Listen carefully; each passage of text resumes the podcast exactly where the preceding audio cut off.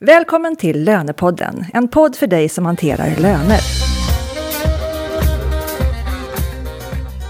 I det här avsnittet, som kommer ut den 25 maj, uppmärksammar vi att det är precis på dagen tre år sedan GDPR infördes. Mina gäster är Karin Wenner, GDPR-expert, och Maria Nordstrand, löneansvarig på outsourcingbyrån ECIT Services i Stockholm. Min bisittare är Magnus Nilsson Fahlén, seniorkonsult på Knowit Insight HRM. Välkomna! Tack så mycket. Tack. Och jag heter Katarina Sand och jag arbetar på rekryteringsbyrån Wise Professionals som bland annat hyr ut och rekryterar lönekompetens. Och vi har kontor i Stockholm, Göteborg och Malmö. Och Lönepodden gör vi i samarbete med SRF-konsulterna och Knowit Insight HRM. Som sagt, den 25 maj är det på dagen tre år sedan GDPR infördes. En dataskyddsförordning som är till för att skydda enskildas grundläggande rättigheter och friheter, särskilt rätten till skydd av personuppgifter.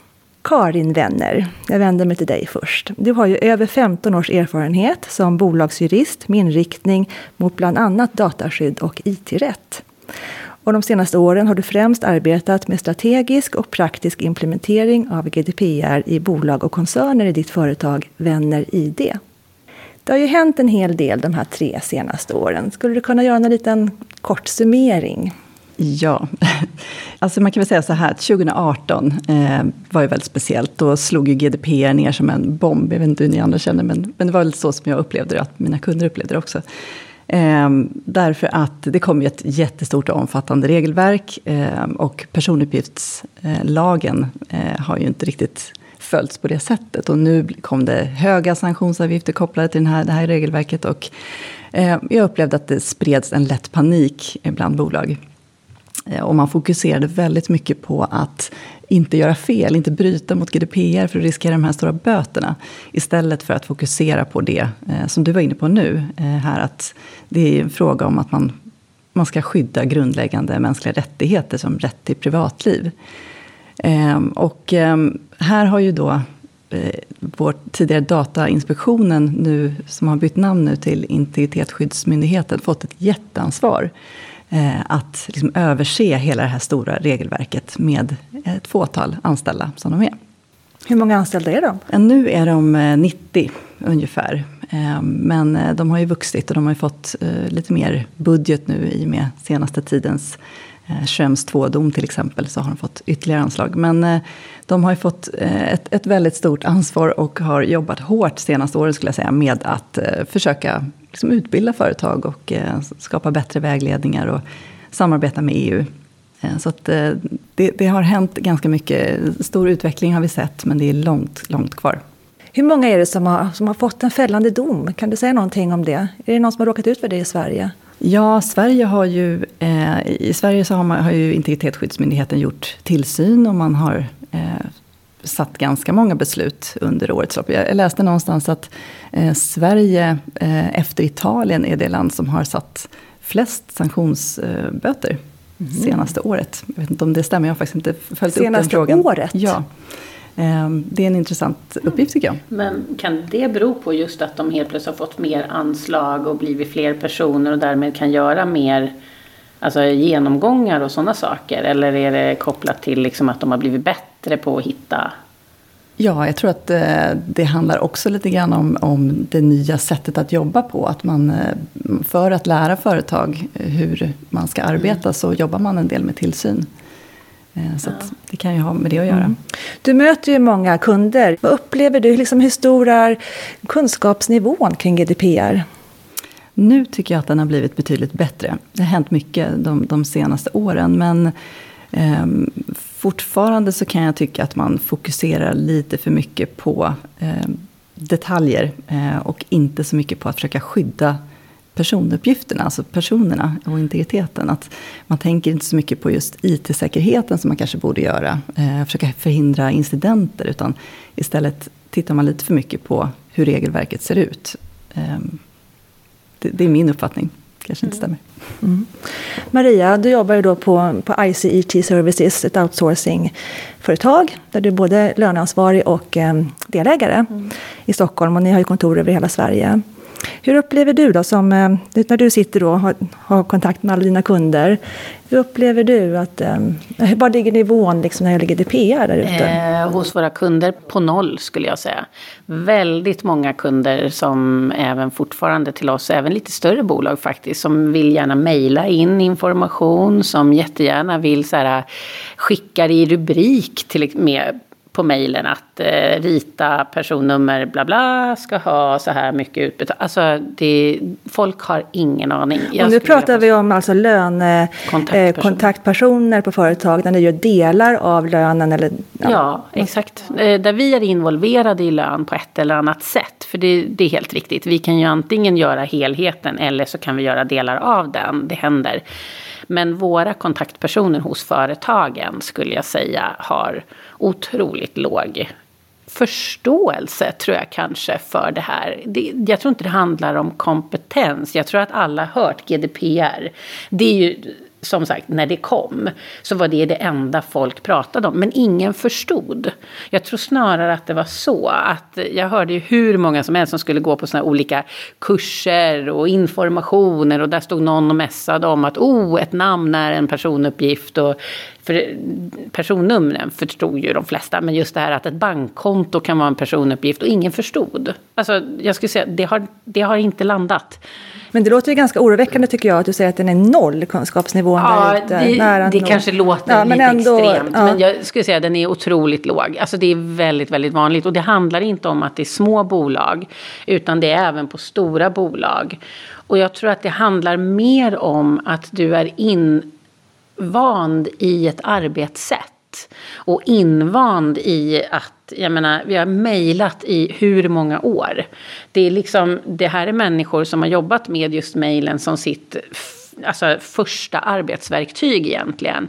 Så att gå från det, det är ett jätteförändringsområde till att börja använda supportverktyg och ärendehanteringssystem, dokumentlagring, webblösningar som då IT-säkerhetsmässigt ändå är eh, tio resor bättre än mejlen. För att det ska vi alla veta. Mejlen är en öppen kommunikation. Den är jättelätt att komma in på. Man ska inte mejla någonting sånt. Men kan det vara så att de större löneavdelningarna, de kanske är lite bättre på det här för de har ett bättre internt stöd? Kan det vara så Karin, att vi pratar nu om kanske mindre jag, företag? Jag tror egentligen inte Eller? att det är löneavdelningarna i sig. Jag tror att löneavdelningarna generellt har bättre koll. Jag tror nog att det handlar om organisationerna där ute som inte är inne i det här vardagsmässiga. Men det är de som levererar information till oss. Det är cheferna för sina anställda som ska leverera information till oss. Det är HR-administratörer som sitter där ute som ska leverera in. Det är ekonomiadministratörer, assistenter som ska skicka in information. Det är där det ligger. Det ligger inte hos lönefolket. Lönefolket tror jag generellt är väldigt, väldigt duktiga på det här. För att de har liksom blivit indoktrinerade sen dag ett egentligen. Just med tanke på alla viten. Alltså det var det enda som slog ner. Och den, det som är lite roligt är att det är ju de facto en utveckling av PUL. Problemet är precis som du sa. PUL följde ingen, för det var ett vite på vad var det, 12 000, så det var ingen som brydde sig. Sen kommer vitet på GDPR, då helt plötsligt kommer det ju liksom, då slår det, och det var bra. Mm. Så att det ska vi verkligen inte glömma. Men, Men alltså för tydlighetens skull då, för jag kände, jag kanske missförstod ja. dig då, för du sa att löner, att på, dina lönekontaktpersoner, där var Ja, men vi har, våra kontaktpersoner är ju inte, alltså mm. våra lönekontaktpersoner är inte lönepersoner hos företagen. Okej. Okay. Ja. Mm. Så att jag menar, behöver, gör vi lön åt ett företag så är det ju inte lönepersoner på företaget som sitter som våra kontaktpersoner, utan då är det organisationen i övrigt. Okay. Mm. Ja. Och därför så är det ju så mycket viktigare då att kunskapen finns hos inte bara lönefunktionen utan många andra funktioner ja. som måste veta ja. hur det här faktiskt fungerar. Eh, ja. Eh, på, sätt, mm. på så sätt. Det måste jag, sprida sig. Men jag tänkte också så här att det kan ju vara ett, just ett ett faktum då att större organisationer som har en egen avdelning och, och eh, anställda DPOer, alltså data, vad heter det? Data, dataskyddsombud. Dataskyddsombud, ja precis. Eh, där kan man ju få stöttning på ett helt annat sätt än, än kanske mindre organisationer. Oavsett ifall det är privat eller offentlig sektor så, så kanske man inte riktigt kan det här på det sättet. Eh, så att det kan ju vara ett bekymmer då när liksom, hela fokuset har varit på att vi ska se till att man efterlever regelverket istället för att utbilda vad regelverket faktiskt är. Mm. Så där kanske myndigheten har ett, en hemläxa att göra. Mm. Att ja, jobba lite annorlunda i framtiden. Jag vet inte, vad, Vad säger säger du om det Karin? Ja, men jag tror, eh, jag tror också det att, att just det här vad gäller mognad så är det ju stor skillnad förstås på eh, olika företag. Hur mycket man har jobbat med tidigare PUL. Eh, och sen är också min erfarenhet att eh, lönesidan och HR-sidan är ganska uppsjungna på eh, skydd, dataskydd. Därför att de är vana vid känsliga uppgifter på ett annat sätt. Men jag tror att man, många företag missade i sina ambitiösa implementeringsprojekt från början med GDPR, så missade man att ta med hela organisationen. Och man missade att dela ut ansvar och roller i organisationen. För som du säger Magnus, det här med DSO-erna kan ju vara ett bra stöd. Men de ska ju vara ett stöd. De ska ju inte ta hela ansvaret för den här hanteringen. Utan alla måste ju ha åtminstone, man kan inte ligga på noll i kun- kunskapsnivå. Utan man måste ju ha en viss kunskap själv. Eh, Karin, jag vet att du, det finns ett antal eh, eh, saker som du skulle vilja att eh, lyssnarna får med sig idag. Som jag också vill att de får med sig såklart. Eh, kan vi inte ta dem lite så i ordning, vad du tycker är det viktigaste som vi ska reda ut här idag? Ja, men jag tycker ju att eh, en av de viktigaste saker som man ska tänka på som företag är ju att man har den här nya principen, ansvarsprincipen.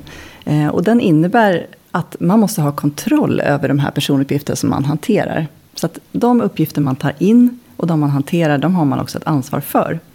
Eh, och det, om man har den tanken i bakhuvudet hela tiden så får man ju med sig det att man måste, sätta, man måste välja ut bra leverantörer som man jobbar med. Lämnar man ut personuppgifter till dem, ja då måste man ju kolla att de har samma säkerhet som man själv Eh, kan ge. Man måste se till att man har avtal på plats. Eh, man måste se till att man raderar uppgifter och, och så vidare. Så jag tycker att har man med sig det att man har ett, en skyldighet att ha kontroll över uppgifterna eh, så kommer man ganska långt på det.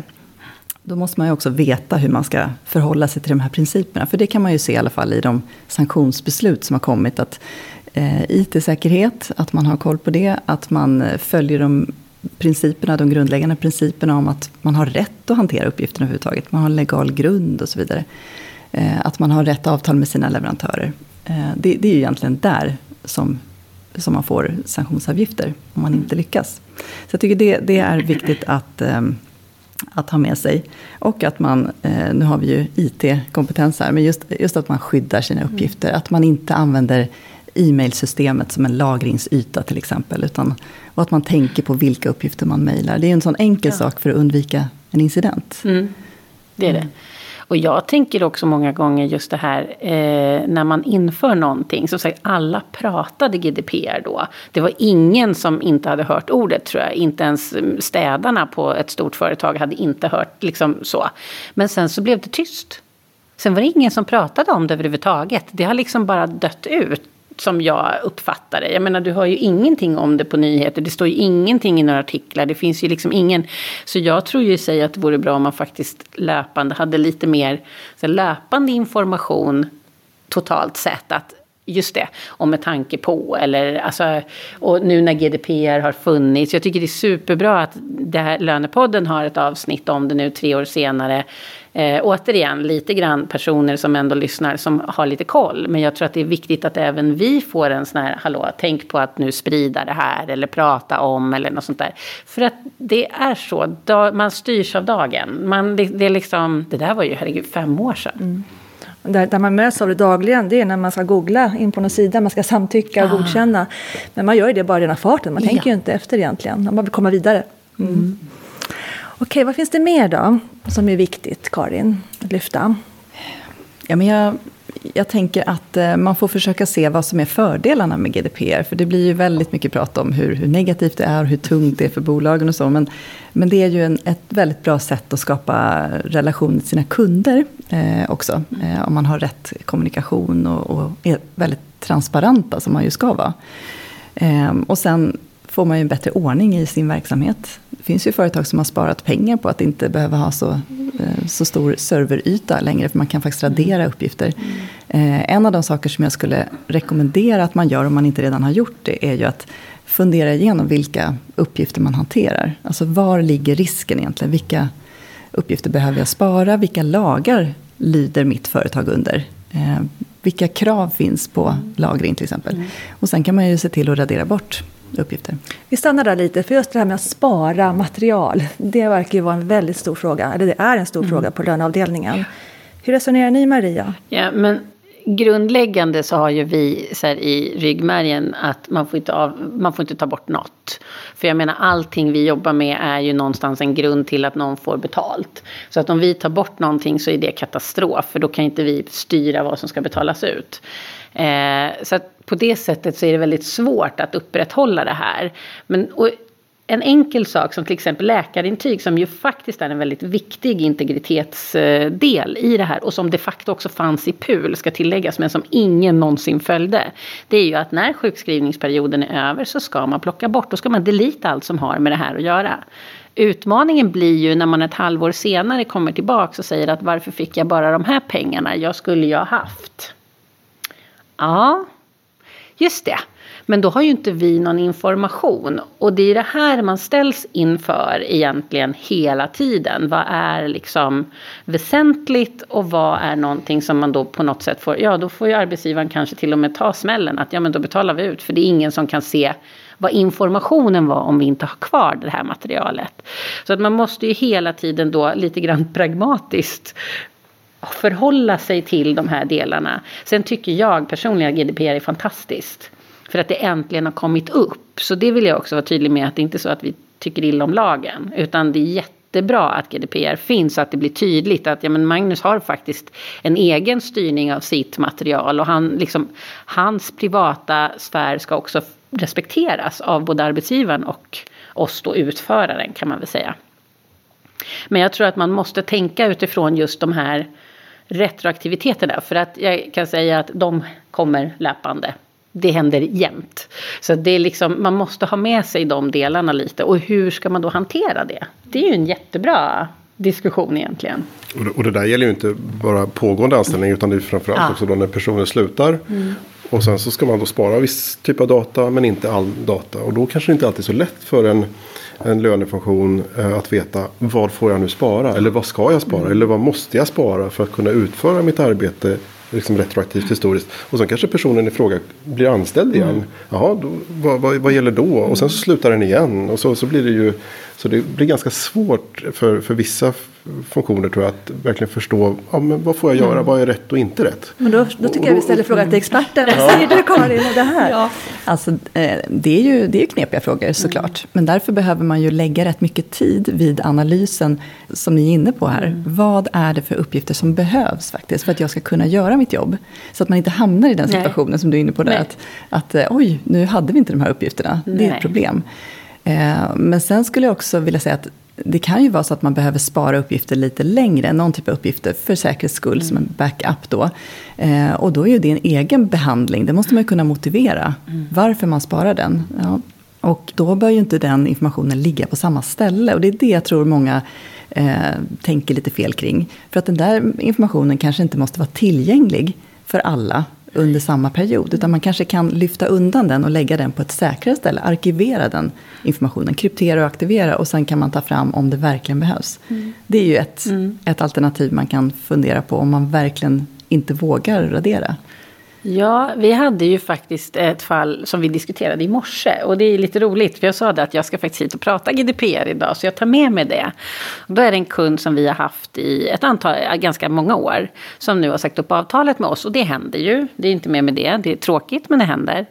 Och då visar det sig att den här kunden har liksom kommit via ett uppköp också, så att de har haft information, de har haft, varit i tre olika lönesystem hos oss.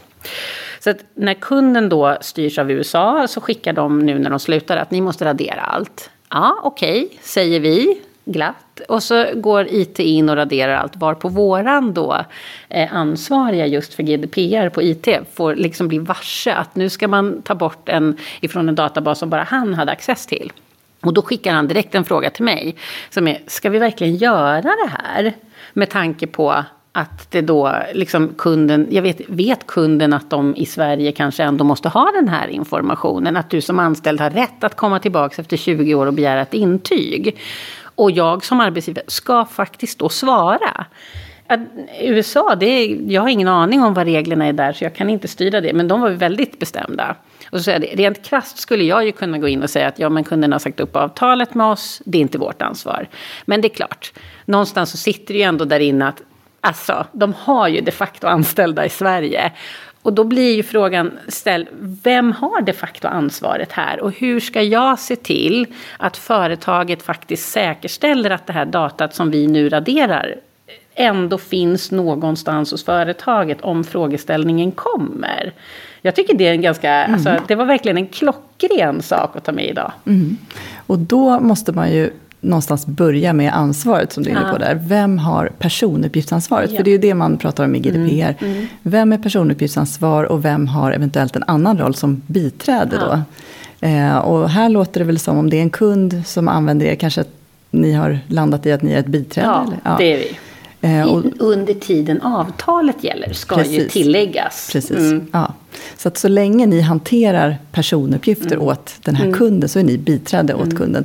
Men då är det ju de facto kunden som mm. är personuppgiftsansvarig. Och om ni då sparar uppgifter utan att ja. ha det uppdraget, ja. då blir ni personuppgiftsansvariga för den hanteringen. Och då får ni ansvaret och risken om någonting händer. Och det här är ju så svårt, för jag, jag sa det, det är ju bara för oss att delita, för som sagt de är inte en kund längre. Och vi har, men just det här, då kommer ju den här, när folk då som jobbar med det här, alltså som är så otroligt ansvarstagande. Men om en anställd hör, vet de att, har de verkligen info?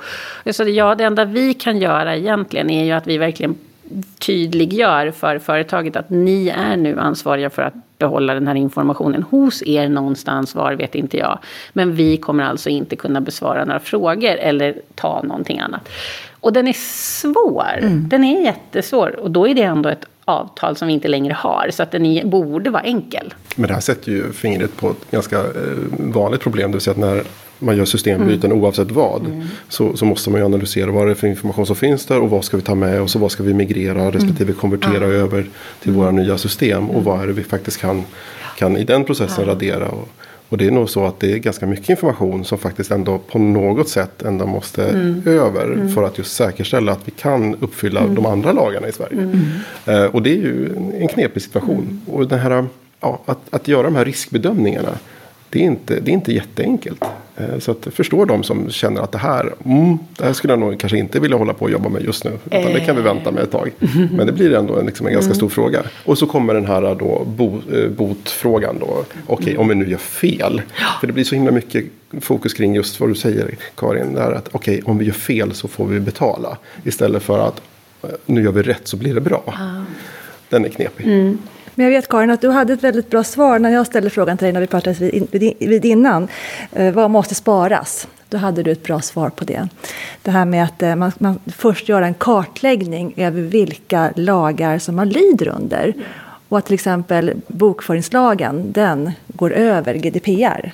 Ja, precis. Eh, man ska tänka så att eh, GDPR är ju inte någon speciallagstiftning, utan finns det lagar som har specifika, till exempel lagringskrav, då går de före. Som bokföringslagen då med sina sju år, som man måste spara bokföringsdata. Mm. Och då måste man ju reda ut vad är bokföringsdata först. Eh, så jag tycker att man ska göra en, en gallringsrutin för företaget, där man skriver in vilken typ av persondata man har, vilka lagar man lyder under, vad de sätter för krav. Eh, och är det så att man inte har lagliga krav på sig att spara data, då får man ju fundera på om det finns något annat skäl. Eh, varför behöver man annars spara data? Ja, det kan ju vara för att ehm, det ligger i företagets intresse. Och då finns det ju möjligheter att, att få spara av, den, av det kravet. Eller så kan det vara så att man har ett avtal med ett, en kund. Eh, av det skälet så behöver man spara en viss typ av data. Så att man behöver liksom kartlägga det Eh, för företagets del och eh, helt enkelt skriva upp hur länge sparar vi den här typen av data. Mm. Och hittar man då data som man inte kan få in någonstans under någon legal grund, ja då får man nog fundera på om man verkligen kan spara den datan, som det exemplet mm. du var inne på där. Mm. En utmaning är ju att bokföringslagen är ju väldigt väldigt hands-on. Men den gäller ju inte, alltså det är ju bara för transaktionellt data mm. som är verifikationer på ekonomisidan egentligen. Det hjälper ju inte oss på lön och HR någonting rent krast i alltså personuppgifter för just att kunna göra arbetsgivarintyg eller kunna påtala intyg om vad man har fått. Eller jag har ju till och med varit med om företag där anställda kommit tillbaka efter fem år och hävdat att de har fått fel utbetald lön och de facto haft rätt. Så att jag menar, någonstans så måste man liksom... Jag tror att där måste man verkligen sätta löneperspektivet i ett eget... För det finns egentligen inget lagligt krav som styr det. Men det är dock ett väldigt viktigt, eh, alltså väsentlig information som du måste ha kvar så länge du har anställd information.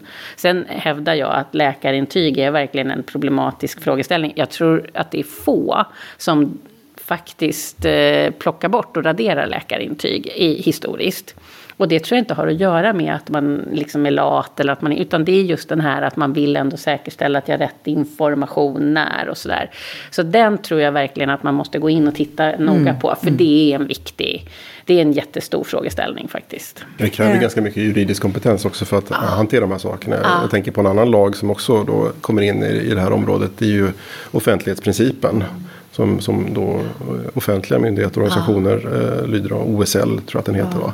Och då måste man också då förstå vad måste vi liksom spara för att kunna hantera våra frågeställningar i, den, i det området. Mm. Så att eh, det, ja, det är mycket att sortera. Eh, det finns mycket att prata om hörni. Och jag skulle vilja beröra en sak till innan vi liksom avrundar det här avsnittet.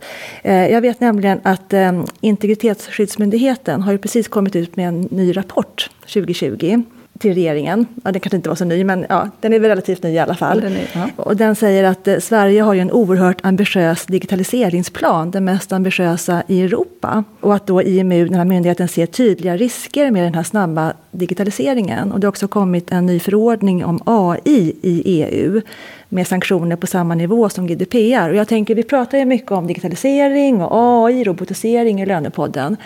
Hur påverkar det här? Kan du säga någonting om det? Hur, hur kan vi få ihop det till, eh, så att det kan bli intressant för de som lyssnar? Ja, men jag tycker att där sätter ju IMY eh, fingret på en viktig punkt. För att det har varit väldigt mycket tal om digitalisering de senaste åren. Och som sagt, som du säger, eh, Sverige har ju haft en väldigt ambitiös eh, digitaliseringsplan. Och då säger ju IMI att den här integritetsskyddsplanen måste ju vara lika ambitiös då. Eh, för att det ska ju gå hand i hand.